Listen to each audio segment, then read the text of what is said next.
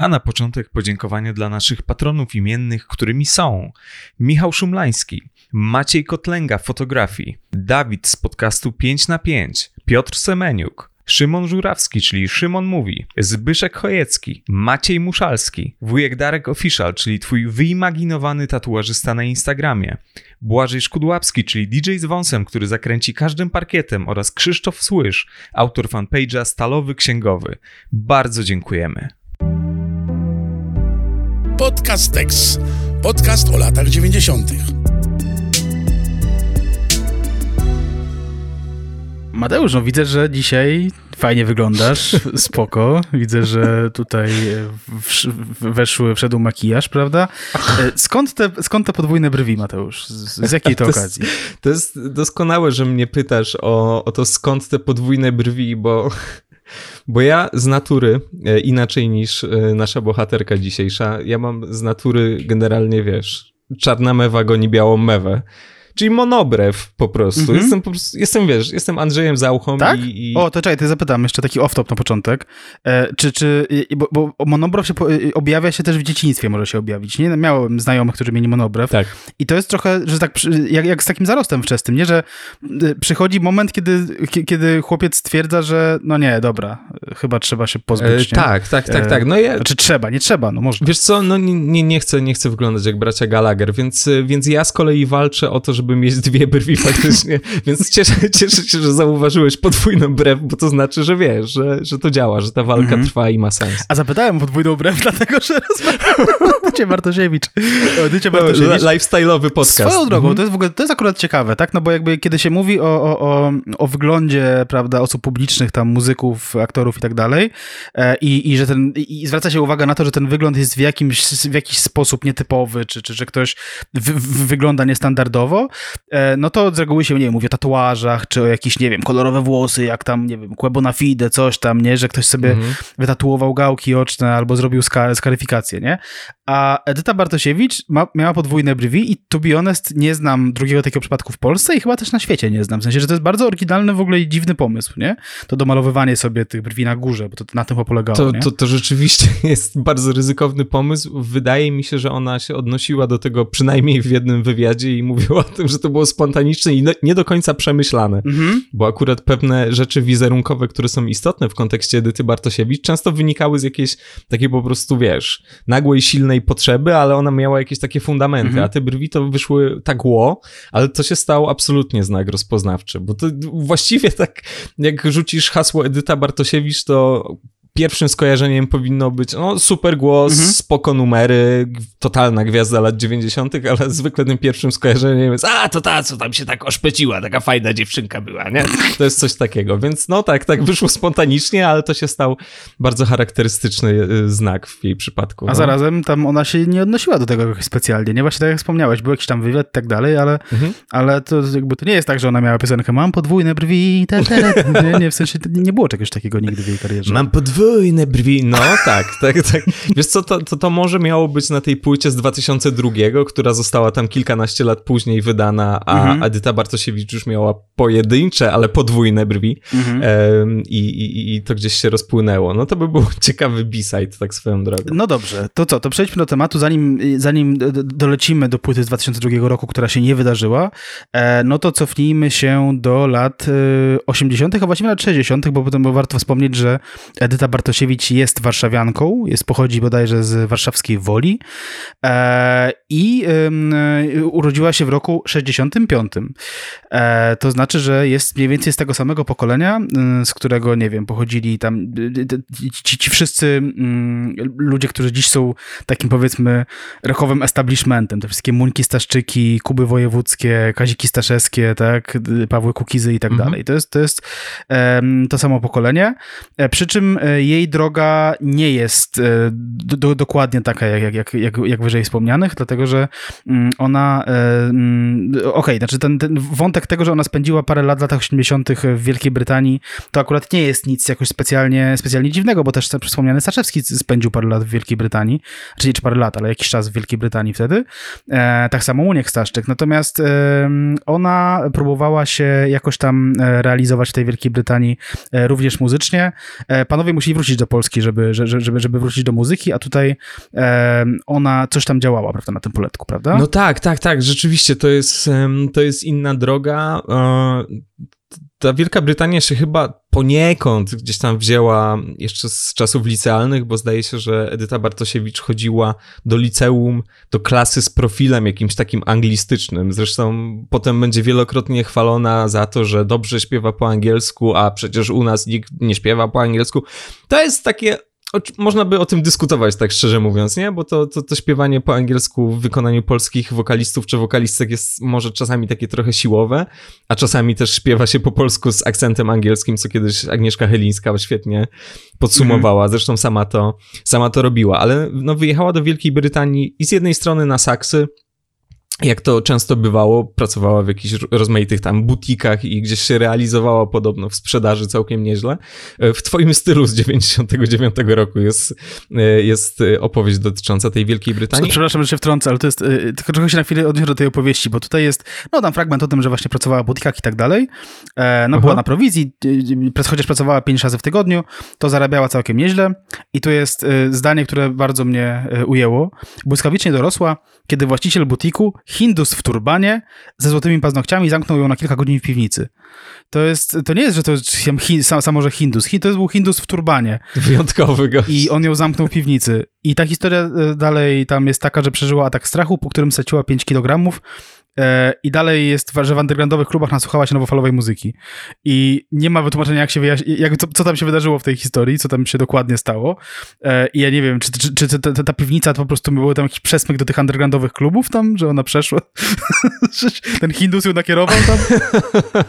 to było podnajmowane. Tak. To było podnajmowane.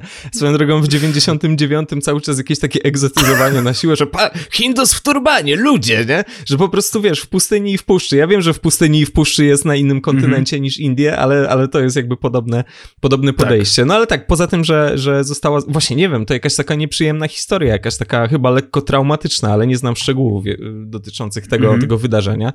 Ale ona tam działała muzycznie, y, grywała, proszę pana, na stricie, jakby powiedział Maciej Maleńczuk, a my powiemy po prostu, że grała e, na ulicy i zarabiała sobie jakieś dodatkowe pieniądze w ten sposób. I czytamy jeszcze w, w twoim stylu, że poznała muzyków z The Blue Airplanes w nawiasie niebieskich samolotów. No jest to zespół rzeczywiście, który ma jakąś taką dosyć długą historię. Mają hasło na Wikipedii, jest to wszystko prawda. Mhm. I pojeździła sobie trochę po tej Wielkiej Brytanii, mhm. więc takie faktycznie saksy, nie saksy, nie? No bo jak się weźmie tych, tych, tych po prostu sztandarowych rockmenów, no to tam wiesz, no myłem naczynia i tam pisałem sobie Warszawę w kiblu. dosłownie tak to wyglądało z tekstem do Warszawy e, Mójka Staszczyka, a tutaj, tutaj jest rzeczywiście e, jakiś taki rozwój, pierwsze koncerty i jakieś, jakaś ta Wielka Brytania, no właśnie, wymaga tej wzmianki, dlatego, że to jakiś taki moment formacyjny wręcz tak naprawdę, że kiedy Edyta Bartosiewicz wraca e, do Polski pod koniec lat 80., tam po tych kilku miesiącach oczywiście to nie był jakiś stały pobyt, no to już wie, totalnie wie, że tak, że, że idziemy w muzyczkę i i że to, że to się może udać. Tak. E, gdzieś tam e, pod koniec lat 80. Edyta Bartosiewicz poznała e, członków zespołu Staff, którzy, z którymi później stworzyła zespół. I teraz powiedz mi, jak to się czyta. Holoi Poloi? To jest Holoi Poloi. Aha. Holoi Poloi, tak okej. Okay. Tak. Mam pewne wątpliwości, dlatego że pisze się H-O-L-L-O-E-E -E, mhm. i tam jest Poloi dalej, nie? Czyli Holoi Poloi. No i tak, no to był jakiś taki zespół z ambicjami, zespół, który nie był ani czystym rokiem, ani czystym popem, tylko gdzieś tam sobie sobie eksperymentowali z muzyką i Bartosiewicz mogła tam się, sądzę, że tam jakoś, jakoś kreatywnie wyżyć, przy czym trzeba powiedzieć, że zespół Holoj Poloj, e, czym nie zaskoczę państwa słuchających, nie osiągnął specjalnego sukcesu, mhm. e, e, nie wiem, jeśli chodzi o sprzedaż płyt czy, czy, czy, czy koncertów, natomiast e, pewne ślady tego zespołu i, i, i, powiedzmy bytności Edyty Bartosiewicz w nim i, i, i, tego, że ona tam śpiewała, pojawiły się na YouTubie całkiem niedawno zresztą, na, na, na, na YouTubie zresztą Edyty Bartosiewicz, e, którą wzięło chyba na kominki i tam po, po, powrzucała jakiś, jak, jak, jakiś wykon tam z 90 roku, tak?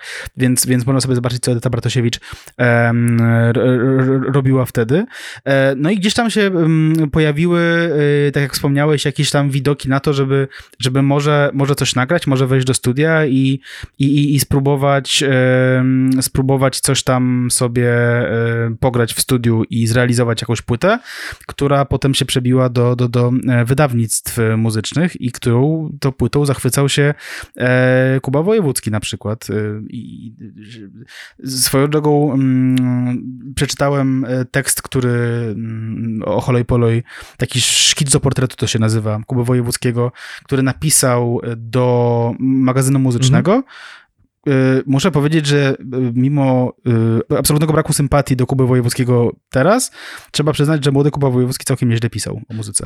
Zgadzam się, absolutnie się zgadzam. Ja miałem z magazynem muzycznym no, wiele razy styczność właśnie z tymi numerami z przełomu lat 80. i 90. Mhm. i jest to tym bardziej przykre w kontekście Kuby Wojewódzkiego, bo widać gościa, który no, ma jakąś erudycję, jakiś taki ciekawy warsztat, pisze w jakiś dosyć kwiecisty e, sposób. No i ten, tenże Wojewódzki w ogóle był od początku wielkim fanem, admiratorem e, talentu Edyty Bartosiewicz. Tak, wspomniałeś o tym tekście, o tym szkicu do portretu, on tam pisał o Holoj Poloj, że to jest, tutaj przytoczę cytat, to kurs na intelekt i profesjonalizm, ale przede wszystkim zachwalał oczywiście Edytę Bartosiewicz i jej możliwości.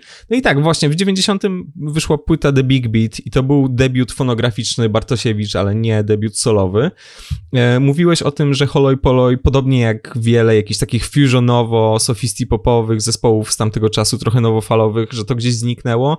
Ale sama Bartosiewicz została faktycznie zauważona, bo, bo w plebiscycie magazynu muzycznego, w plebiscycie dotyczącym 90 roku, Bartosiewicz została wokalistką roku, więc mhm. no, jest, to, jest to nie byle co. A mhm. mówimy o postaci, która wówczas jest jeszcze faktycznie przed takim pełnoprawnym solowym debiutem. Tak, i o postaci, która y, nie, jakby nie przedstawia się w piosenkach, w utworach jako Edyta Bartosiewicz jeszcze, tak? W sensie, więc jakby tam, tam zdecydowanie ona miała konkurencję ze strony innych wokalistek, które były znane z nazwiska, a ona została wybrana tutaj, mhm. prawda, więc y, tak, to, to, to, to, robi wrażenie. No i y, dość, y, dość szybko Edyta Bartosiewicz po tym no, sukcesie takim wczesnym e, została zauważona przez środowisko e, muzyczne, nie? Bo tam się pojawił i, e, i jakieś tam kolabo z Waglewskim i z, i z Zio. Tak.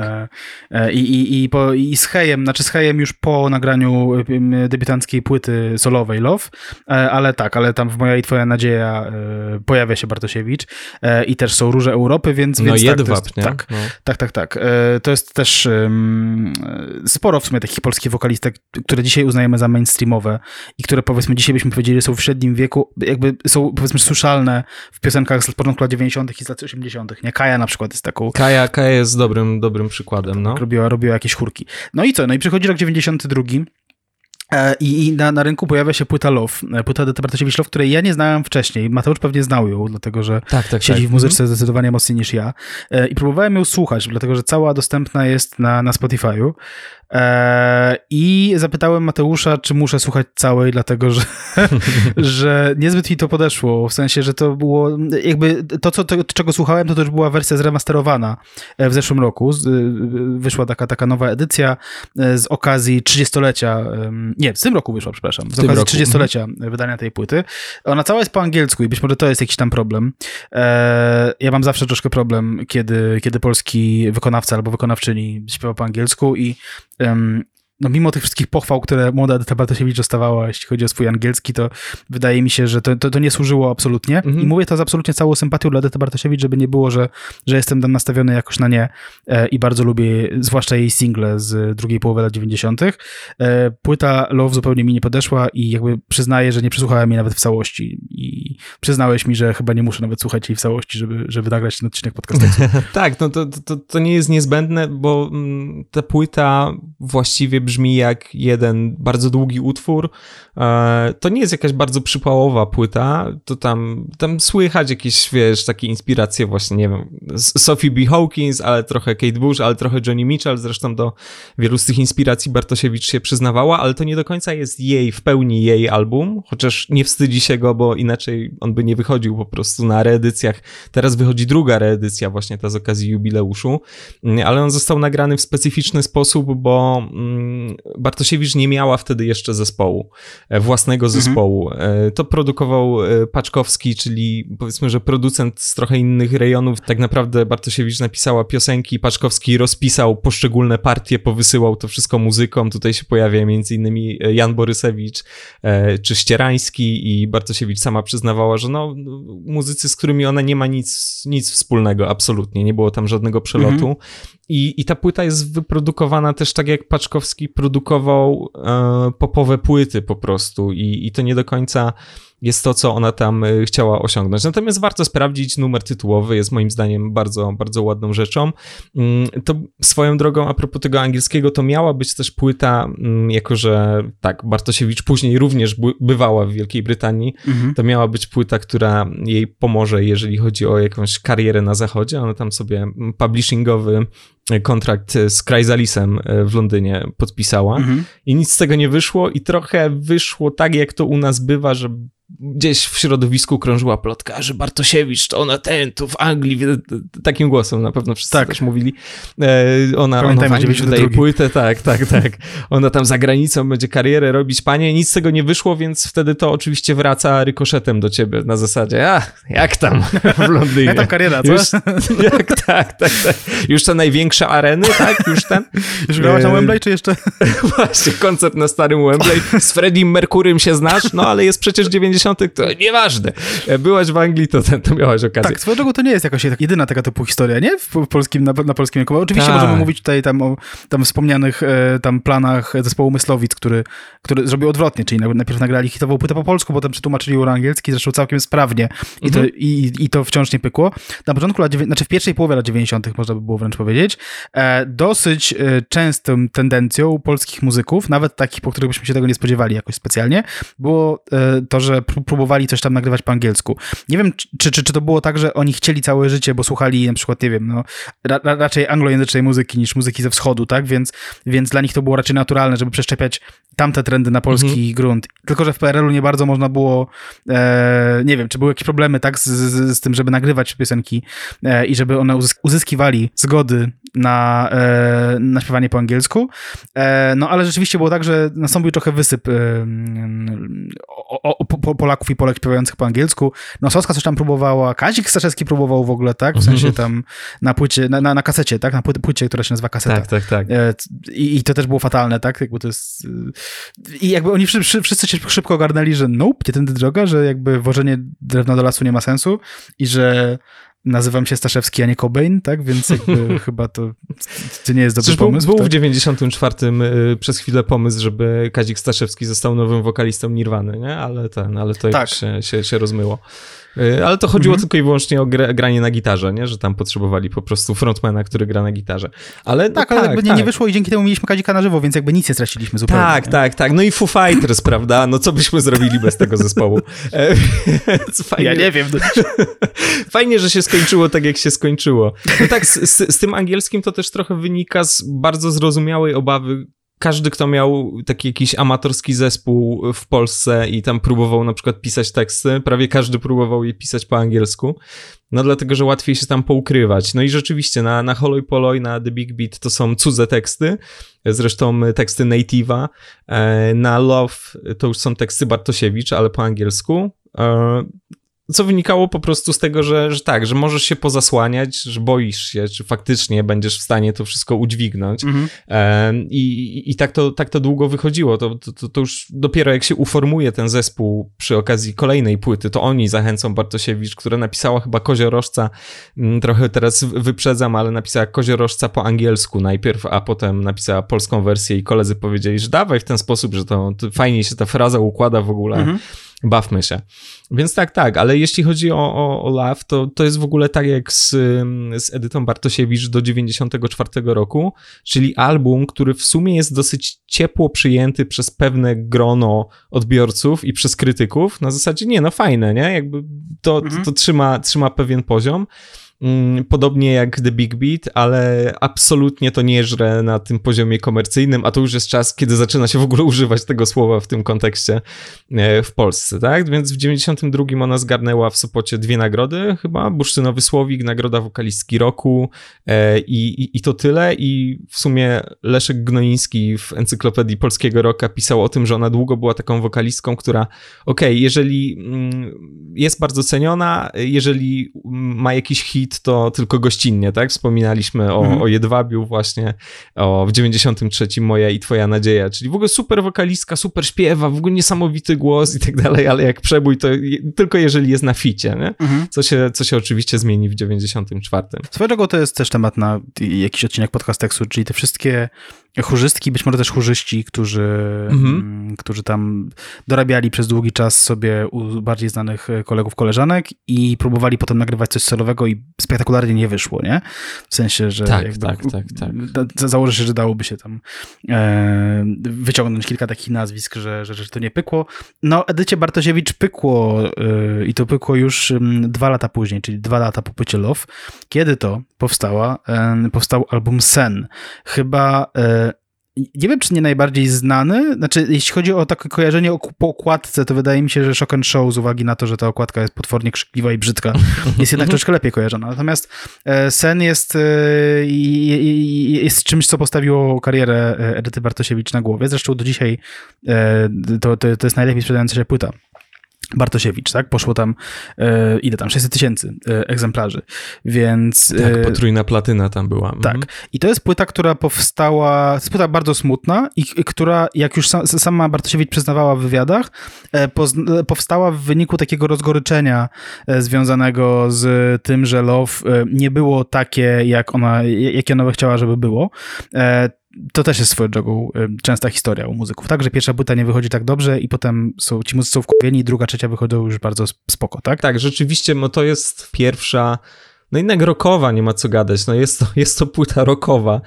zdecydowanie. Taki, taki jest y, wówczas też trend. No ona bywa liryczna oczywiście, ale to nie są e, aranżacje na, na kwartety smyczkowe. Ta, ta muzyka się stała w sumie prostsza w porównaniu do na przykład Love zdecydowanie, chociaż no, Edyta Bartosiewicz od początku ponoć miała taką metodę, że no, ona pisze proste numery w takiej wersji akustycznej, nie? Potem co się, co się z tym wszystkim wydarzy, e, to już jest inna sprawa. Mhm. Mm, no ale tak, no właśnie, z jednej strony Bartosiewicz przed wydaniem Snu w 94 chyba w lipcowym numerze Tylko Roka e, mówi o tym, że no, że tam mnie nie obchodzi w sensie jakby rockowość, że tam mam różne idolki i tak dalej, że niektórzy mówią, że nie jestem wokalistką rockową, ale w sumie to mi to lata, bo jestem muzykiem, no i okej, okay. mhm. ale w, już po wydaniu snu mówiła wprost bodajże w Brumie, że tak, to jest po prostu płyta rockowa mhm. i w sumie jakby sygnał dla wszystkich, którzy się zastanawiali, czy ona jest tą wokalistką rockową, czy nie jest.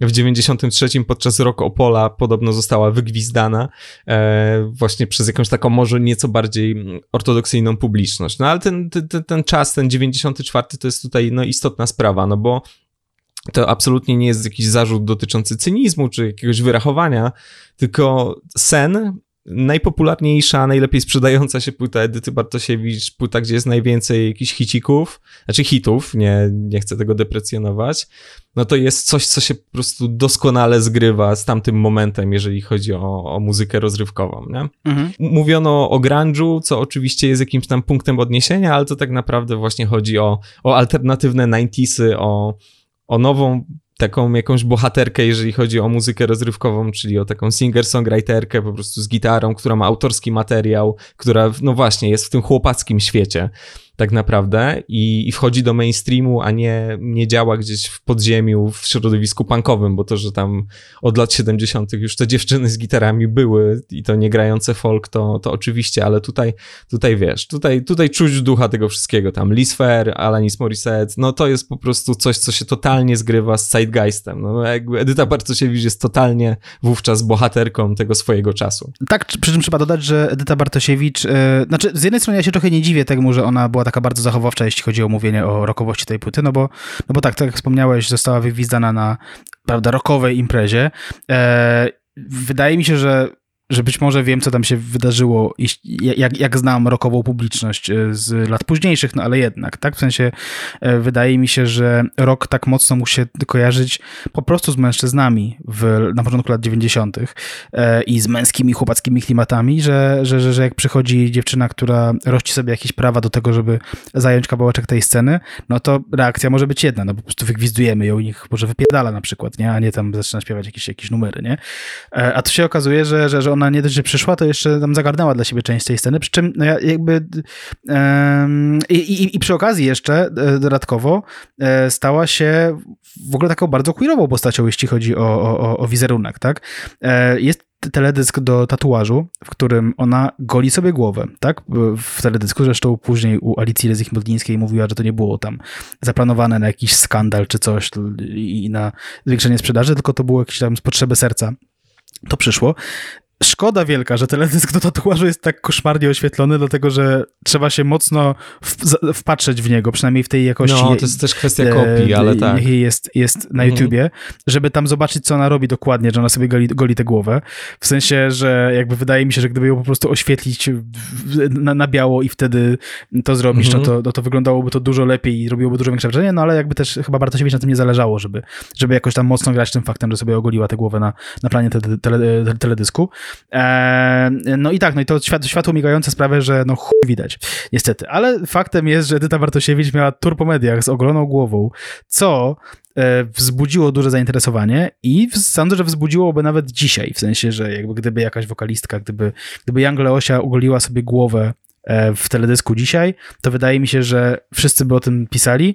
Edyta Bartosiewicz zrobiła to w roku 94 albo 5, tak nie pamiętam z którego roku jest ten teledysk e, i, i, i, i było to istotne.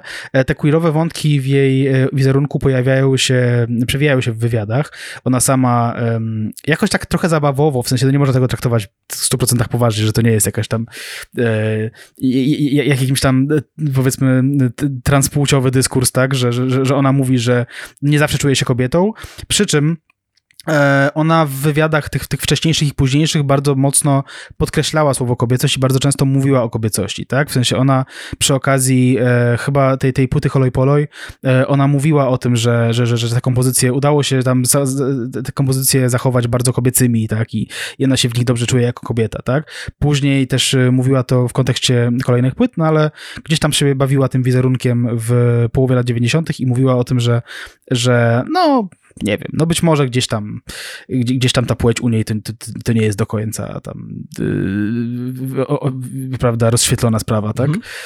Dla niej samej. Tak, tak, tak, ale rzeczywiście, tak jak mówisz, to nie był jakiś, jakiś poważny transpłciowy dyskurs, tylko no właśnie jakieś takie bardzo ciekawe badanie gruntu i, i sprawdzanie tego, na co sobie może pozwolić artystka, nie artysta, nie, nie chłop, który mm. jest szalony i robi takie rzeczy tutaj, mm. nie? Ale tutaj mamy, mamy raz, że mamy do czynienia z kobietą. No właśnie, no, kiedy wychodzi mm, Sen, to Edyta Bartosiewicz ma już 29 lat um, mm. i staje się idolką totalnie również młodzieży, więc to, to, to, jest, to jest ciekawa rzecz, ale ona sprawdza właśnie na co, na co może sobie pozwolić e, artystka pod tym względem wizerunkowym i to, i to ciąganie, mówisz o tym, że tak, że gdyby dzisiaj Angleosia sobie ogoliła włosy w teledysku, to tak, to pewnie byłby to temat mm. zdecydowanie, tak.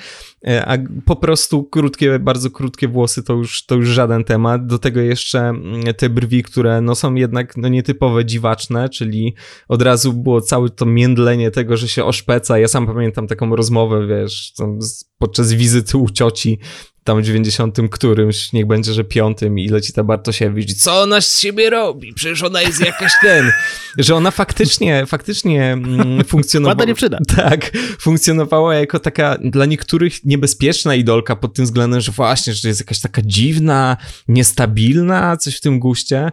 Czemu w ogóle sprzyja to, że te płyty, mówię ogólnie o płytach Edyty Bartosiewicz, chociaż mhm. Sen jest tutaj dobrym przykładem, one są już Mm, po przejściu na język polski bardzo, bardzo bezpośrednie i intymne mhm. rzeczywiście. I o tym Bartosiewicz też y, sama mówiła, że, że ona po prostu nie jest w stanie nie pisać o sobie, że, że nawet jeżeli inspiracją jest jakaś tam osoba, to to jest totalnie jakby przefiltrowane. No i mamy tam rzeczywiście jakieś dosyć, dosyć mocne rzeczy. Ten tatuaż, który właśnie jest o narkotiksach, chociaż można go interpretować różnie. Mhm Zabij swój strach, czyli coś o jakichś takich po prostu wewnętrznych problemach. Dużo jest tutaj tych takich rzeczywiście, tego, tego jakiegoś radzenia sobie z własnymi demonami, tylko to jest wszystko ubrane w, w ten taki jakiś taki alt 90sowy, bardzo gitarowy, bardzo nośny sznyt, no bo te kawałki rzeczywiście one są, one są chwytliwe jak cholera i jak sobie odświeżałem e, sen teraz, to, to jest to, jest to dosyć przyjemny powrót zdecydowanie. No. Tak, swoją drogą jeszcze na chwileczkę wracając do tego, do tych kwestii yy, yy, płci, to yy, Bartosiewicz powiedziała w programie u Wojewódzkiego Halogramy, mhm. jest, jest ten fragment na YouTubie dostępny, że gdyby chciała być mężczyzną, to, to, to, to, to byłaby Krzysztofem Krawczykiem, tak? W sensie, gdyby miała być mhm. mężczyzną. Więc co swoją drogą jest jakąś tam zapowiedzią na Co się wydarzy za 10 tak lat. Co się wydarzy tak, tak. za chwilę i, i, i, jak to skomentuje Agnieszka Chylińska, do tego dojdziemy. To jest piękna rzecz. Tak, to jest wciąż Wciąż wspaniałe. Jeszcze a propos tego golenia głowy, nie? W sensie to jest zabawne, tutaj, właśnie mówimy o, o, o Young Leosi, że mogłaby to zrobić. Gdyby to zrobiła dzisiaj Young Leosia, to jakby, i to nie jest dziados, dziadowskie pierdolenie, przepraszam, to co teraz powiem, w sensie mam nadzieję. E, i, I to nie jest jakaś tam krytyka współczesnego rynku fonograficznego czy coś. Sprawdźmy.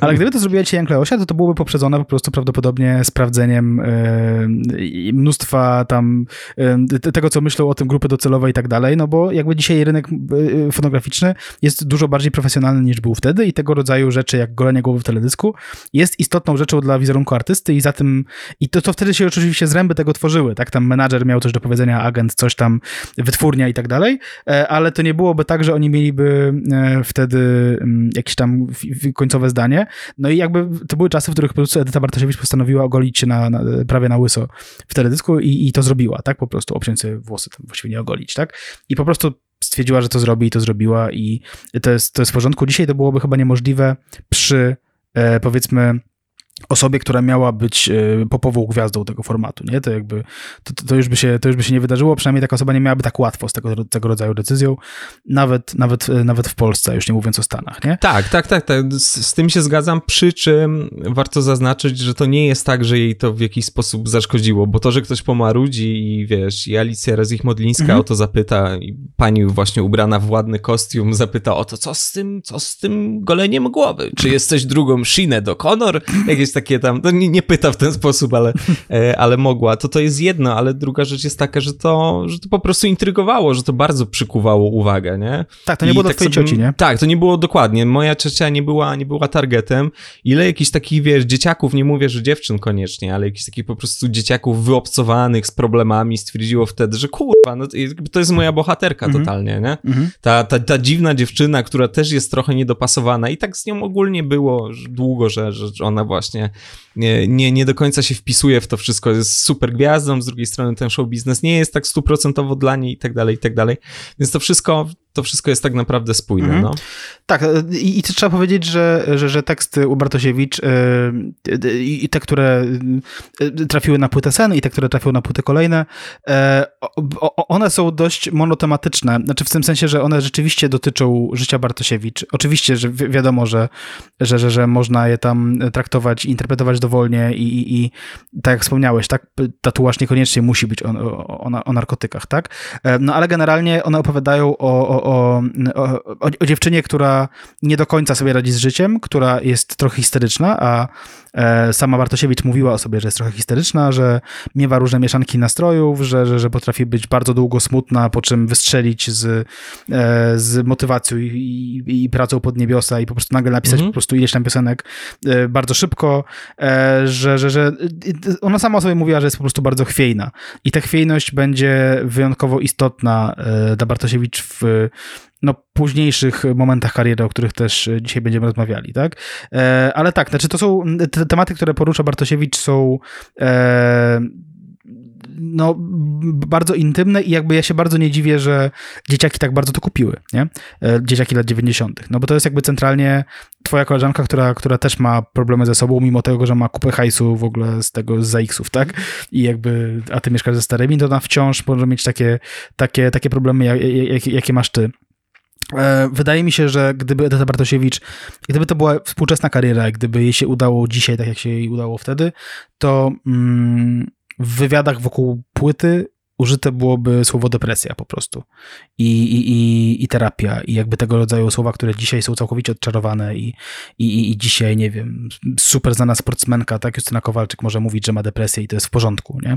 E, mhm, a, a wtedy jakoś Edyta Bartosiewicz w wypowiedziach publicznych krążyła wokół tych tematów, coś tam wspominała o dzieciństwie, ale tak bardzo bardzo, nie wiem, no niekonkretnie, tak, właśnie gdzieś tam, gdzieś tam rozmywała ten, ten, ten przekaz dotyczący dzieciństwa, dotyczący jakichś tam traumatycznych y, sytuacji, a potem czytałeś twój styl i się dowiadywałeś, że Hindus w turbanie ją zamknął w piwnicy, ale jakby nie wiesz, nie znasz szczegółów tej historii, jakby prawdopodobnie to rzeczywiście była trauma i koszmarne story, ale tak, tak, ale tak, tak. nie znasz żadnych szczegółów. No i jakby w tym sensie jakby ta Bartosiewicz jest dość tajemniczą postacią, nawet jak się czyta o niej dzisiaj te stare teksty. U, użyłeś nawet słowa histeryczny, yy, histeryczna, no i ona wspominała w Brumie w w wywiadzie Tomasza Rządy rzeczywiście, że jak się cieszę, to się cieszę y, totalnie, jak się dołuję, wszystko robię z wielkim sercem, osobowość prawdopodobnie histeryczna, to są jej słowa z tamtego czasu, mhm. z momentu wydania snu. No i tak, wówczas nie było za bardzo tematu depresji. No, smutny chłopak siedzi, no i co, nie? Iść Dajcie pobiegać mu... może, nie wiem.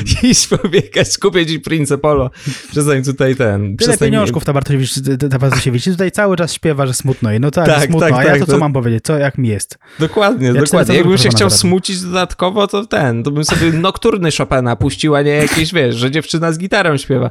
No trochę tak, no i, no i jest ten numer Zabij swój strach, który swoją drogą zaczyna się od to numer, który ja bardzo lubię. W sensie to, to jest taki po prostu rasowy, rockowy singiel, pop-rockowy niech będzie, ale naprawdę, naprawdę dobry i tam padają słowa w twych oczach widzę lęk, tak patrzę tylko strach. To nie zawsze jest do końca dobre, ale ta cała piosenka w sumie gdzieś się staje jakąś taką zapowiedzią, jak mhm. tego wczoraj słuchałem, że to jest jakaś taka po prostu wiadomość wysłana do siebie z przyszłości tak naprawdę. I, i rzeczywiście te, te teksty, to o czym mówiliśmy, że, że Edyta Bartosiewicz tam po prostu robi za jakąś taką bardziej znaną, ale twoją koleżankę, e, która jakby kuma co ci doskwiera, to, to wszystko tutaj jest, bo w tym samym wywiadzie z Brumu ona mówi właśnie, że ktoś mnie kiedyś spytał, czy jestem poetką. W takiej muzyce jak moja nie ma miejsca na coś takiego jak poezja. Pisząc tekstu używam bardzo potocznych sformułowań, takiego języka, jakim posługuję się na co dzień. Więcej nie potrafiłabym zrobić. Nie? I jakby bardzo często Bartosiewicz bywała zestawiana między innymi z Nosowską, mhm. z wiadomych przyczyn, tak? Mamy tutaj mocne, po prostu takie chropowate damskie głosy, i, i dosyć intensywne teksty, ale to są jakby zupełnie dwie różne szkoły. Tutaj się pojawia na śnie piosenka Walczyk z takim tekstem właśnie tam, że Bóg jest po prostu zazdrosny o widząc tam parę kochanków i to rzeczywiście jest dosyć mocno, mocno nosowskie, ale poza mhm. tym to, to Edyta Bartosiewicz jakby posługuje się jakby zupełnie inną formułą. To jest, to jest mówienie do ciebie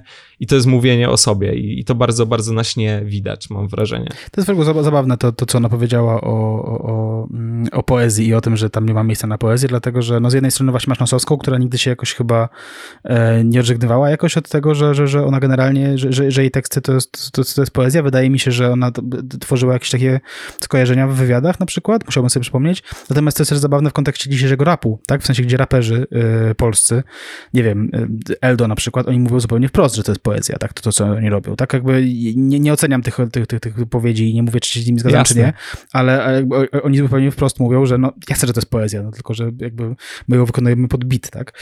E, a tutaj Edyta Bartosiewicz jakoś też tak bardzo zachowawczo mówiła, no ale też jakby to jest taka y, no, wyrazista wypowiedź, tak, że, że, że nie ma miejsca na poezję i że po prostu ja mówię, co myślę i mówię, jak jest, proszę pana, więc, więc tak.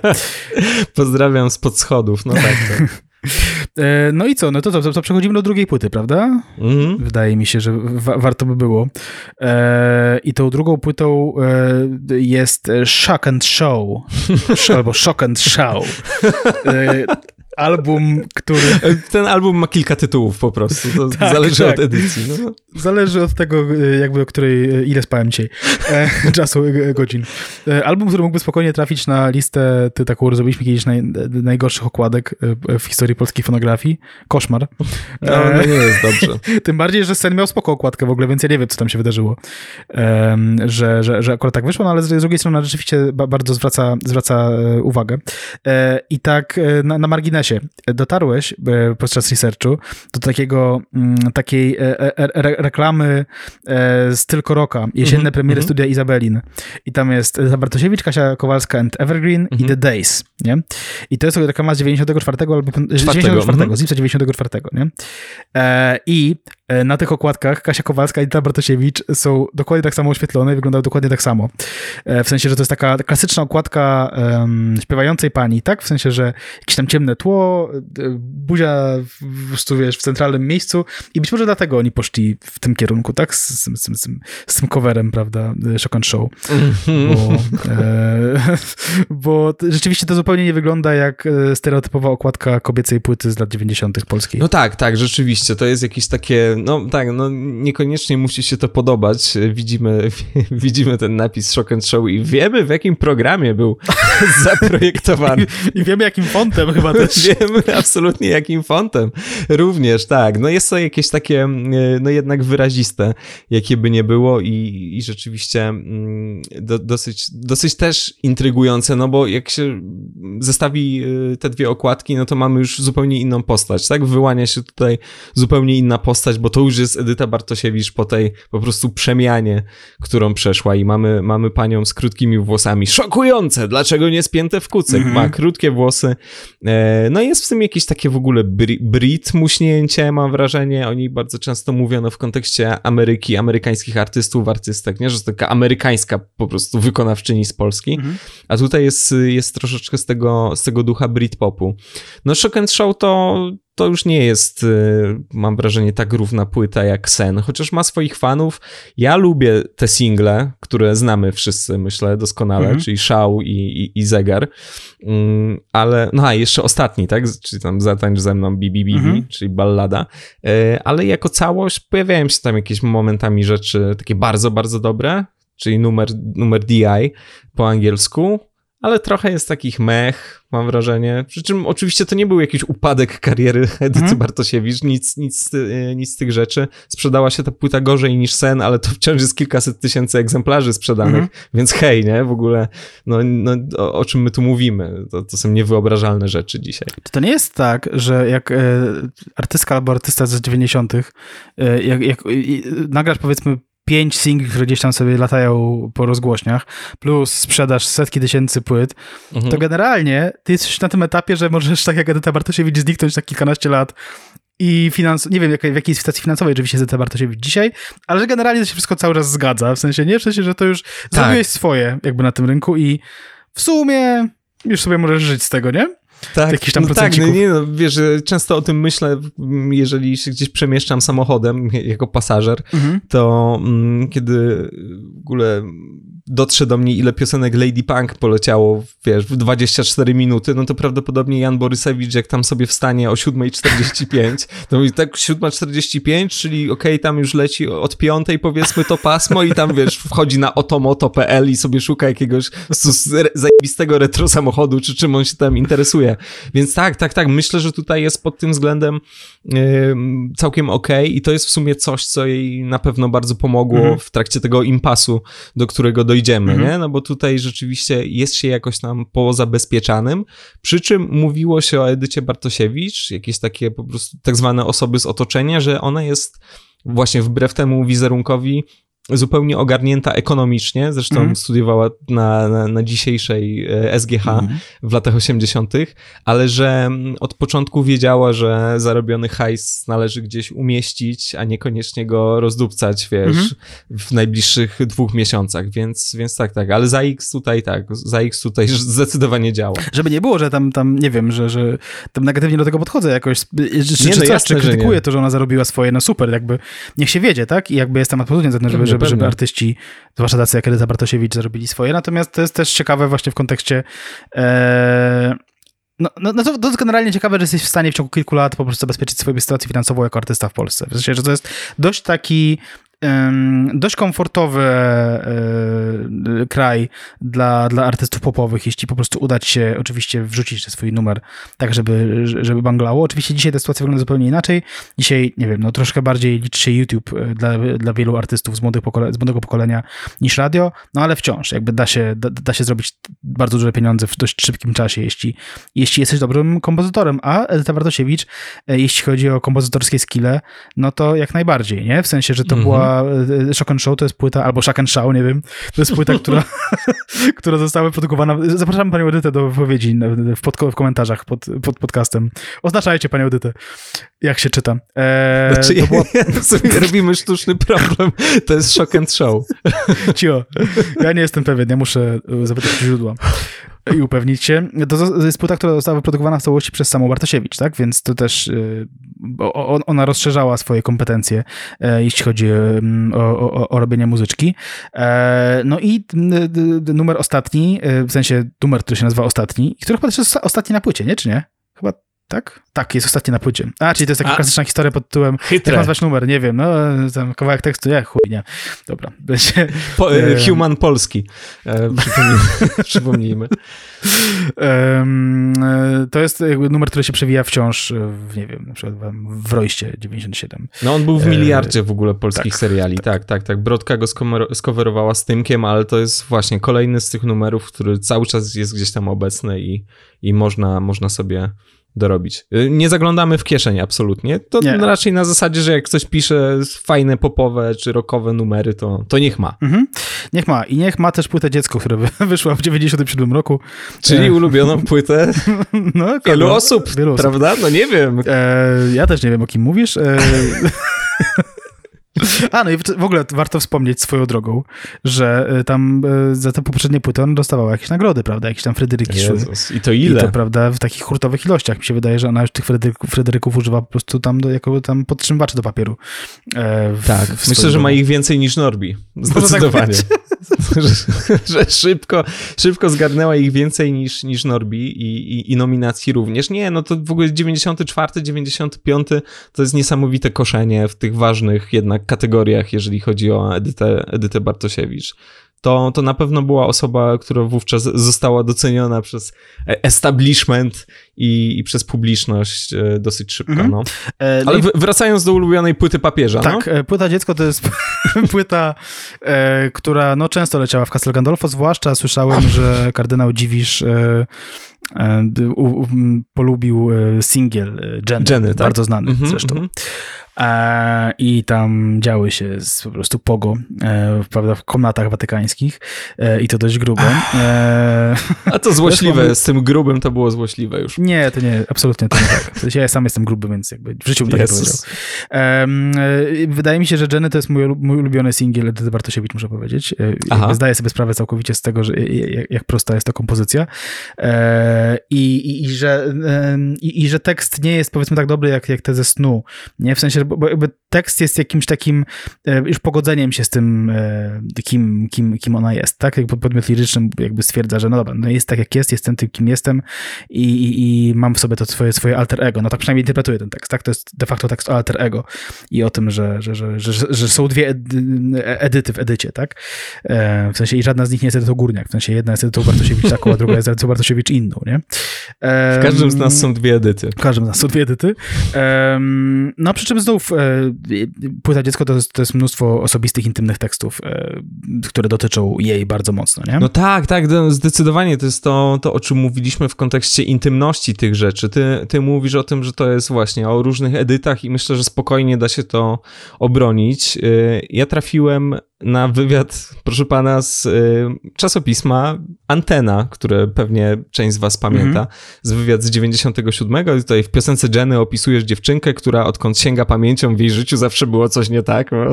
Klasyczne pytania z, z tekścikiem. Mm -hmm. W niełasce, w ciągłym nieszczęściu, bla, bla, bla, ale ona zawsze za dużo widziała. Czy ta Jenny to ty? No i, i mm, Bartosiewicz odpowiada, że nie umiem pisać tekstu nie o sobie, nawet jeżeli inspiracją jest coś lub ktoś z zewnątrz, nie uniknę przejścia przez własny filtr Tutaj inspiracją była moja przyjaciółka, która jest osobą bardzo wrażliwą, uduchowioną. Dla niej pieniądze wcale się nie liczą, ciężko się takiej osobie odnaleźć w dzisiejszych czasach. Czyli jednocześnie tak naprawdę jest, mhm. jest o edycie i o jakiejś osobie, ale to wciąż tak naprawdę i tak prowadzi nas e, w stronę jakiejś tam opowieści o Edycie Bartosiewicz. No i tak, tak jak mówiłeś, no jest tutaj trochę jakichś takich in, introspekcji. E, Jenny, czyli totalny po prostu hit. Na tej płycie jest jeszcze Skłamałam i to też jest całkiem popularna piosenka, ale to w sumie tyle, mm. jeżeli chodzi o, o, o, hity. No to tak, to swoją drogą to właśnie ciekawe, że no taki moment, to 90 97, tak, 97, bo 98 to kolejna płyta, Wodospady. Mhm. Czy mamy 97 i wielkim hitem jest piosenka o jakimś takim dosyć przejmującym tekście z teledyskiem, który też wskazuje na to, że chodzi o jakieś doznane krzywdy, nie? Że to tak. jest jakby, wiesz, to jest wielki hit i w latach 90 tego typu jakieś takie bolesne, brutalne przeboje się, się zdarzały. Zresztą Kasia Kowalska też wędrowała w jakieś takie, wiesz, jakieś takie rejony dosyć niebezpieczne, no. Mhm. E, Kasia Kowalska, na który bardzo czekam na odcinek Kasi Kowalskiej, dlatego że Kasia Kowalska uczyła się w liceum, do którego ja sam chodziłem, w Sulejówku pod Warszawą. Cyk, dziękuję bardzo. Ona jest Sulejówka? Nie tak, ona mieszka w Sulejówku przez jakiś czas. Tak mi się wydaje przynajmniej. Boże, Piłsudski, Kasia Kowalska. Piłsudski, Kasia Kowalska, tak, to są dwie osoby mocno kojarzony. No i tam Paderewski czy ktoś, ale nie wiem. Ale z muzyków głównie nie, ko nie, nie kojarzę, nie kojarzę piosenkarza. E, tak, pojawiła się płyta Wodospady, która e, była jakimś takim e, wielkim trochę fakolcem pokazanym w swojej karierze, ale też jakby, nie wiem, oczekiwaniom, które, które nabudowały się w stosunku do, do Bartosiewicz na przestrzeni lat, tak? No bo tam za bardzo nie było hitów, płyta sprzedała się bardzo kiepsko, być, być może e, wpływ na to mm, miał kryzys rynku fonograficznego, który już tam coraz mocniej sobie poczynał i, i internet już jeszcze nie był na takim poziomie, na jakim powiedzmy 4 lata później, ale już tam sobie istniał, plus e, piractwo muzyczne no, było już na jakimś kosmicznym poziomie, e, ale e, no finalnie tak, no, to, to, to, to płyta, która mm, nie wiem, czy ona nie była znacząca dla, dalszej kariery Bartosiewicz. W sensie jakby z jednej strony to jest całkiem świadoma decyzja jej, żeby nagrać płytę, która nie jest specjalnie przebojowa, z drugiej wydaje mi się, że jak w ciągu czterech lat przechodzisz z trybu setki tysięcy sprzedanych egzemplarzy do trybu dziesiątki tysięcy sprzedanych, sprzedanych egzemplarzy i, i radia niespecjalnie interesują się tym, co nagrywasz, to może to być trochę bolesne dla, e, dla, dla, dla, opinii na temat siebie samego. Tak, tak, tak. No być może to, to nie pomagało. No tak zastanawiam się, z czego to wynika, że te wodospady są takie, jakie są. Oczywiście są ludzie, którzy lubią tę, tę płytę bardzo i, i okej. Okay. Czy to jest faktycznie taka deklaracja niezależności na zasadzie, no to jakby to były hity, to było moje granie na gitarce, a teraz będą takie piosenki. Bardzo możliwe, bo też w sumie dlaczego miałaby się wystrzelać z hitów? Trudno o tym powiedzieć yy, jakoś tak z całą pewnością, no mhm. ale w sumie kurczę, być może tak, bo w roku 2000 wychodzi jej The Best Of, dziś są moje urodziny i tam się pojawiają dwie premierowe kompozycje, tak, czyli Mistrz i XXI wiek i żadna z tych piosenek nie była hitem i samo The Best of Edyty Bartosiewicz, która po prostu rypała szalone nakłady przez kilka lat sprzedanych egzemplarzy mm -hmm. i zgarniała Fryderyki. Ta płyta się sprzedaje dosyć słabo. No, no na pewno to, że, że, że te nowe piosenki nie były hitami, to nie pomogło, ale może doszło do jakiegoś zmęczenia ogólnie postacią, nie? No, mhm. bo, no bo to taka dosyć, dosyć dziwna sytuacja. To wszystko się dzieje w ciągu kilku lat. To jest tak naprawdę, no wiesz, jak pomyślisz o tym, że tam 2016, okej, okay, świat się dosyć mocno zmienił w ostatnim czasie, ale to nie jest, wiesz, to nie jest epoka, mm -hmm. nie? E, ten, ten, ten czas, więc, więc rzeczywiście jakoś, jakoś nie najlepiej. Ten kryzys polskiej fonografii, o którym wspominałeś, to na pewno też się wszystko zbiega w czasie. Ale w 2000 roku y, Edyta Bartosiewicz e, właściwie wraca do takich hitowych gościnek, nie? Bo, mhm. bo był Jedwab, e, była Moja i Twoja Nadzieja, a w 2000 roku nagrywa z Kazikiem i to całkiem popularny numer, trzeba przyznać. Mówię o czterech pokojach. Tak, e, Bartosiewicz dała się troszkę manipulować w ten taki bardzo korwinistyczno, po prostu chłopsko-rozumowy, rozmową piosenkę o tym, że podatki złe i że w ogóle nie wolno płacić w ogóle politykom żadnych pieniędzy i, i w ogóle dlaczego mamy tylu radnych w Warszawie, nie? W sensie, o, Kazik, super, nie? Ale rozkwinki, nie, ziomek? No i Kurde, tam, jaki gość. Jaki gość. Tak, Kazik otworzył mi oczy, moje świadectwo. Polecam y, zobaczyć e, komentarze pod teledyskiem do czterech pokojów. Um, na YouTubie tam są dokładnie, one są dokładnie takie, tak? W sensie, że o Kazik, kurde, nigdy tak nie napisał jak ty, w ogóle szacun, ten ziomek? Więc no... E, I Edyta Bartosiewicz zagra, zaśpiewała tam w refrenie i, i ten refren jest w ogóle całkiem spoko zaśpiewany. Ciekawostek to miała być Kaja, ale Kaja chyba akurat nie mogła, a akurat Edyta Bartosiewicz kolegowała się z wydawcą Kazika, Sławkiem Pietrzakiem, któremu wówczas trochę zależa, jakby planował wydać jej płytę, w sensie namawiał ją bardzo na to, żeby wydała płytę Vespa Records. Ciekaw jestem, ile y, takich mainstreamowych gwiazd miało, miało wydawać Vesper Record. Znaczy, ile było namawianych przez Sławka Pietrzaka, co nie? No bo to mm -hmm. ewidentnie widać, że on tam próbował sięgać po, po takie osoby niezwiązane z Kazikiem Nijak, tak? W sensie typu Maleńczuk na przykład, nie? To się potem kończyło różnie, y, jakimiś tam konfliktami, y, bo SP Records działało różnie. Natomiast tak, natomiast ta Bartosiewicz była namawiana, no, do, do tego w ogóle nie doszło. I, I, nie doszło, być może nie, nie dlatego, że tam Bartosiewicz nie chciała wydawać Pietrzaka, ale generalnie, że dlatego, że Bartosiewicz chyba nie czuła jakiegoś specjalnego flow, nie czuła jakiejś specjalnej potrzeby żeby te płyty nagrywać. E, doszły mm, problemy z, ze zdrowiem, z głosem, z samooceną e, i oczywiście pojawiała się Edyta Brotosiewicz e, później w kolejnych gościnkach, tak, no bo, no bo, no bo przyszedł jeszcze czas piosenki Trudno Tak, wykonanej wspólnie z Krzysztofem Krawczykiem, którym, którym Edyta Bartosiewicz mogłaby być, gdyby była mężczyzną, przypomnijmy. I to był rzeczywiście wielki hit, e, skomentowany złośliwie przez Agnieszkę Chylińską, że no może nie będziemy Ale, ale tak warto, warto sprawdzić, bo jest to tekst warto kultury dosyć istotny, umówmy się. W dużym tak. skrócie tak. Agnieszka Chylińska bardzo czekała, jak wielu fanów, bardzo czekała na nową płytę Edyty Bartosiewicz po wodospadach z 98 mhm. i ta płyta nie pojawiła się, nie nastąpiła, pojawiło się kolabo z, e, bardzo hitowe zresztą z Krzysztofem Krawczykiem, jest to dosyć mhm. absurdalny moim zdaniem utwór, ale no jest to, jest to wielki, wielki hit. No tak, no Podobno Edyta Bartosiewicz się tam dwa lata wcześniej przymierzała do wydania nowej płyty. To Pietrzak prawdopodobnie chciał ją podwędzić, bo jej się skończył kontrakt z Poligramem, tak mi się mhm. wydaje.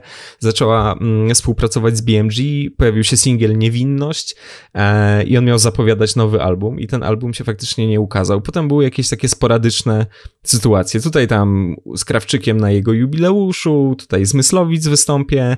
E, jest ten numer Przemoknięte sercami Ast, czyli tak naprawdę opowieść e, z filmu Nigdy w życiu. I to faktycznie tak naprawdę jej ostatni taki solowy hit. Może mhm. myślę, że to nie będzie jakieś, jakieś bardzo, bardzo niesprawiedliwe. No bo ta pierwsza dekada XXI wieku, no i, i kawałek drugiej dekady, to jest takie wielkie oczekiwanie i w sumie zastanawianie się nad tym, co się dzieje z Edytą Bartosiewicz, mhm. nie? I, i, I pojawia się coraz więcej jakichś takich niepotwierdzonych pogłosek dotyczących tego, że o, jedni mówią, że ma problemy z używkami, co jest jakąś taką rzeczą, która no, szybko przychodzi do głowy w kontekście muzyka, mhm.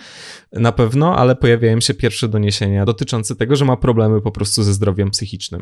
Tak, yy, i to są e, problemy, które powiedzmy, yy, mówi się w, w języku film, filmowym, proszę pana, mówi się o foreshadowingu, tak, czyli o czymś, co, mhm. co ma zapowiadać jakieś wydarzenia, prawda, jak tam oglądasz 37 film Marvela, to co to powiedziane w drugim, nie?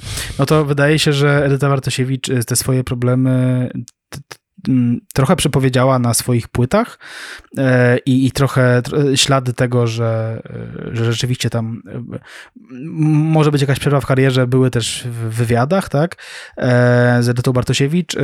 Tak, w 2006 roku miała jakieś takie doświadczenie bliskiej śmierci. Tutaj może, może zacytuję tę te, wypowiedź, bo ona jest też na tyle niekonkretna, że ciężko dokładnie stwierdzić, co tam się wydarzyło, tak, więc, więc zacytuję, żeby, żeby, żeby mm, być możliwie najbardziej konkretnym. W 2006 roku byłam bliska fizycznej śmierci, czułam, że odchodzę, ze wszystkich sił trzymałam się wtedy życia. Chcesz żyć, po prostu nie chcesz umierać. Zresztą wcale nie jest tak łatwo umrzeć, przejść na drugą stronę. E, I tutaj jest dalej, to jest tekst z Pani e, z 2019 roku. I tutaj e, autorka tekstu albo autor pisze tak. Do jej stanu emocjonalnego przyczyniły się w dużej mierze problemy z głosem. Artystka szukała pomocy u wielu lekarzy i to odbyło się na jej psychice. No ale tak, ale ale wróciła, tak? Tak finalnie i wróciła nawet z longplayem, więc, więc to nie jest tak, że, e, że nie udało się wyjść z tego, z tego zupełnie. Nie? Tak, tak, to, to było wszystko pogłębione. Tam w 2006 roku, w młodym wieku, w wieku 30 paru lat, odszedł jej przyjaciel i menadżer Jacek Nowakowski i podobno to bardzo po, pogłębiło jej problemy, jak można się domyślać. Jakiś przełomowy się okazał, y, zdaje się, zdaniem samej Bartosiewicz, występ na Orange Warsaw Festiwalu w 2010 roku. Mm, no bo jakby dodajmy, że problemy związane z psychiką, z depresją, no tak, tu możemy już użyć tego słowa y, z całą pewnością, bo sama artystka o tym mówiła, to jest jedno, ale to wszystko wpływało na kwestie jakieś takie warsztatowe. Po prostu Edyta Bartosiewicz była no, zablokowana wokalnie, w 2010 na, na festiwalu wspomnianym występuje, jej zdaniem nie jest jakiś wybitny występ, dalej te blokady się pojawiają, ale przyjęcie jest bardzo ciepłe, wsparcie ze strony ludzi ogromne i, i rok później w Zwierciadle już z kolei w 2011 mówiła właśnie o tych okolicznościach związanych z nie, niewydaną nigdy płytą. No i Właśnie, ta płyta była już bardzo blisko wydania w 2002 roku. Pięknie nam się nagrały podkłady, wszystkie instrumenty, aż przyszło do wokali. Kiedy nagrałam singiel Niewinność, poczułam, że nie mogę śpiewać. Ale nie to, że nie mogłam się wzbić na nie wiadomo jaki poziom, bo sobie ubzdurałam, że będę jak Maria Callas. Walczyłam zaledwie o swój dawny, satysfakcjonujący pułap. 2011 to jest jeszcze moment przed tym jej powrotowym longplayem, który się pojawi dopiero w 2013. Mówię tutaj o Renovatio albo Renovatio, bo dzisiaj po mm -hmm. prostu Wiadomo. mamy różne albo jeszcze inaczej, renowacjo. E, bardzo, bardzo różne mm, możemy mieć wersje, więc to jest jakaś tam odświeżona wersja tego starego albumu z e, lat zerowych, która się pojawiła i która jest, no, po prostu przyzwoitym zestawem takich popowych, poprokowych piosenek. Mhm. Kategoria nie ma absolutnie wstydu. No ale przede wszystkim pewnie ulga dla wielu osób, że, że mm, Edyta Bartosiewicz mm, wróciła. Mówiliśmy o tym za X, o hajsie, o tym, jak się zarządza kasą i może to jest właśnie jedna z przyczyn, dla których ona nie musi wydawać po prostu, wiesz, co dwa lata y, nowej płyty i nie musi zapierniczać w trasy po wszystkich mhm. miejscowościach w Polsce, żeby, żeby sobie funkcjonować i, i funkcjonować na jakichś takich no, własnych, własnych warunkach, nie? Mhm. Im, Im, więcej tych wywiadów, im dalej w las, im, im dalej w terapii, o której sama Edyta Bartosiewicz mówiła, tym więcej wątków związanych z rodziną się tam pojawia, tak? Że była dzieckiem, które działało pod jakąś taką presją ze strony rodziców, którzy nigdy nie byli do końca usatysfakcjonowani z tym, tym co ona robi, e, nie wierzyli za bardzo w to, że może się jej udać, raczej była ciśnięta, bywała samotna jako dziecko, była dzieckiem z, tam, z kluczami na szyi, coraz więcej tego typu wątków, między innymi w Wysokich Obcasach w 2019 się zaczęło pojawiać.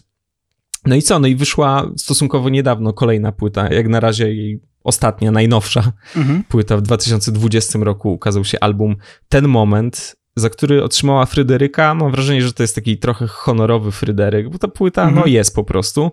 Przy czym u nas też, jeżeli chodzi o główną nurtową muzykę, nie za bardzo jest w czym wybierać. Mhm. Tak czy siak wypowiedzi Edyty Bartosiewicz wskazują na to, że jest w nie najgorszej formie i i mam nadzieję, że rzeczywiście tak jest i że, że, że będzie aktywna muzycznie. Albo nie będzie, ale tylko jeżeli nie będzie chciała po prostu, a nie będzie to wynikało z jakichś, wiesz, głębszych problemów. Tak, no y, wydaje mi się, że nie ma powrotu w jej karierze do, do tego, kim była wtedy, kiedy była mhm. najbardziej popularna, tak? No bo mm, ona się jeszcze w okolicach trzydziestki załapała na bycie bożyszczem tak, nastolatków, nastolatek e, i bycie właśnie taką starszą koleżanką e, dzieciaków tam ze starszych klas podstawówek i z liceów. E, no nie ma tego powrotu, dlatego że no, z, z uwagi na metrykę, natomiast mm, wydaje mi się, że Eryta Bartosiewicz musiałaby wymyślić siebie na nowo tak jak na przykład wymyślił siebie na nowo w którymś momencie Krzysztof Krawczyk, który też powrócił z długiej drogi, prawda, którą w latach 90. Mm, przebył mhm. e, i, i który tam gdzieś e, no, no, jak już wrócił, to był zupełnie innym krawczykiem niż ten, którego znaliśmy. E, Bartosiewicz, wydaje mi się, że jest możliwy taki powrót w przypadku Bartosiewicz i, i bardzo jej tego życzę, szczerze powiedziawszy, żeby, żeby wróciła i żeby e, udało jej się, prawda, znowu jakiś tam singielek sobie tam wrzucić do radia, który by tam hulał troszkę dłużej niż parę miesięcy. Tak, ja bym też sobie życzył jakiegoś po prostu takiego poprokowego hymnu napisanego przez Edytę Bartosiewicz. Półprokowego. Półprokowego, tak, to już była płyta dziecko. Tak. E, ale ale wiesz co, no tak, różnica między Bartosiewicz a Krawcem, znaczy jest ich sporo, niewątpliwie, ale Krawczyk to była osoba, której się dostarcza numery i której mhm. się wymyśla karierę. Oczywiście on w tym uczestniczył, nie był jakąś kukłą, mhm. e, a i, i, ten powrót w 2002 swoją drogą wspomnianym e, był rzeczywiście efektem jakichś takich wytężonych działań. No a Edyta Bartosiewicz, i to trzeba podkreślić, to jest osoba, która robiła i robi bardzo autorską mhm. muzykę. E, no i tak, no i pytanie, czy będzie tego chciała, czy będzie chciała tego wielkiego powrotu. Myślę, że, że będzie miała swoją publiczność cały czas, cały czas ją ma i, i może te sporadyczne koncerty e, też są jakąś tam drogą. No ale to, to, to już jest wróżenie z fusów, zobaczymy, co tam się wydarzy. Tak, a my kończymy odcinek, bo mi się kończy miejsce na karcie pamięci w mikrofonie. E, dziękujemy bardzo wszystkim słuchaczom i słuchaczkom. E, Podcastex ostatnio jest bardziej popularny niż był i bardzo nas to cieszy, że tam nam te, te, te... Oczywiście nie robimy tego dla słupków, prawda, ale im więcej słuchaczy, którzy mają nam do przekazania jakieś uwagi, mhm. tym lepiej, więc przekazujcie nam uwagi, piszcie w komentarzach, tam słuchajcie wspierajcie nas dalej. Dziękujemy e, patronom i matronkom za wspieranie nas na Patronajcie, bo to też nam super bardzo pomaga. I, no i co? I dziękujemy bardzo. I Wszystko prawda. No, do usłyszenia. Do widzenia. Podcast przygotowali Bartek Przybyszewski i Mateusz Witkowski. Czytał Tadeusz Drozda.